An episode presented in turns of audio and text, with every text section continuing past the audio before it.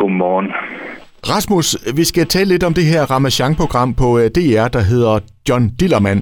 Men allerførst, der skulle vi måske lige have dig sådan præsenteret, hvis der sidder nogen derude og ikke lige helt ved, hvem du er.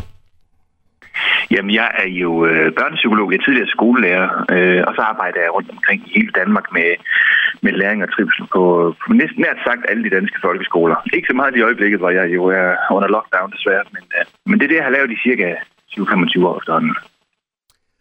Og det vil jo også sige, at du øh, ved lidt om, øh, om, om børn og det emne, vi skal tale om her. Fordi det, der vækker stor debat i øjeblikket i ja, stort set hele Danmark, det er jo det her Ramachan-program her, John Dillermand. Lad mig starte med at spørge, øh, har vi noget at være farvet over? Jamen, om vi har noget at være farvet over, øh, det, det, det spørgsmål kan jo ret hurtigt besvares, hvis man kigger på, på, den, øh, på den offentlige debat omkring emnet. Der er helt klart folk, der er blevet farvet, og... Øh, og øh, det er jo helt klart et udtryk for, at de voksne er blevet ramt et eller andet sted på deres seksuel moral, eller, eller på, hvad man sådan synes, der skal være tabu, og hvad der ikke bør være tabu. Øhm, så, så, så helt klart vil jeg sige, at vi har noget at være farvet over, om vi skal være bekymrede for vores børns ved og vel. Det er sådan en helt anden snak. Og hvad tænker du så om den sag? Skal vi være bekymrede? Altså ud fra sådan et børnepsykologisk perspektiv, så kan man i hvert fald sige, at øh, at den her famøse diller jo i virkeligheden ikke fremtræder som en, øh, som en penis i serien. Den fremtræder jo mere som en hale eller en, en tryllefinger. Sådan lidt i, i stil med, med den gamle tegneserie Spirillen, som, som nogen måske kan huske. Øhm, og øh, det er jo ikke, det er jo ikke et, et seksualiseret objekt, vi, vi ser i den her serie. Den er jo pakket ind, den her diller her. Øh, den, den minder ikke om en, en, en rigtig penis. Den reagerer sig ikke som en rigtig penis, medmindre man selvfølgelig øh, har en på 10 meter, der kan, der kan gribe fat i forskellige ting og har sin egen vilje osv.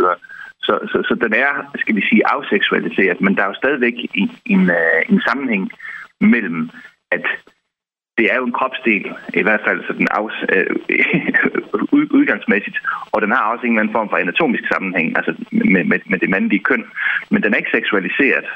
Og det vil sige, at den bliver i virkeligheden bare til sådan en, en, en fantasiting, som, øh, som børn synes, den kunne så også være sjov at have med i en fortælling. Øh, så, så, så der er jeg ikke bekymret. Det er jeg ikke. Så kunne jeg prøve at vente om, Rasmus. Øh, er der så noget, vi kan, børnene kan få ud af det her? Jamen altså, det er jo nogle, øh, sådan nogle ret klassiske danske øh, opbyggelige historier omkring, hvad der er rigtigt og forkert. Man må ikke stjæle, og man skal hjælpe hinanden, og man skal huske at holde det, man lover osv. Og, og så er det så pakket ind i det her lidt, lidt spøjse fortælling med, med ham her, John, der så åbenbart har en, en, en diller, som, øh, som hjælper ham med de ting her. Og det kan man jo synes om, hvad man vil. Personligt, så, så, så tror jeg måske, jeg er lidt for gammel til at synes, det sådan er er noget, man skal lige præcis gøre på den måde. Jeg, jeg kan godt måske sådan mærke, at jeg bliver lidt boneret, når jeg ser det. Men, men børnene har, har jo i den alder, de ser det på, ikke den her bonerthed, den her, øh, de her forbehold, fordi de, de er ikke sådan i en fase, hvor de er seksualiseret omkring det her.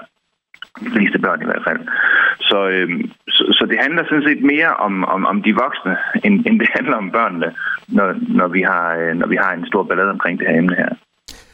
Nu har jeg for eksempel en, en kollega, der skrev på Facebook i går, at han havde set det sammen med, med sine børn, der er lige i målgruppen, og de fik faktisk en, en god snak om det her efterfølgende. Ja. Er, er, er det godt lige at sætte sig ned med børnene og så lige få en snak med dem omkring, hvad, hvad handler det her om? Jamen det er jo i virkeligheden det, det hele handler om. Det er, at, at vi, vi er jo nødt til at kende vores børn, hvis vi skal vide noget om deres trivsel. Og det vil sige, at vi, vi kan ikke bare sådan upagtet sætte børnene foran skærmen og så forlade dem i den tro, at alt går vel. Nogle gange er vi simpelthen nødt til at forholde os til, hvad det er, de ser. Øh, og aller, aller helst så lige se øh, lidt af det, børnene øh, ser sammen med dem, så vi kan snakke om det bagefter.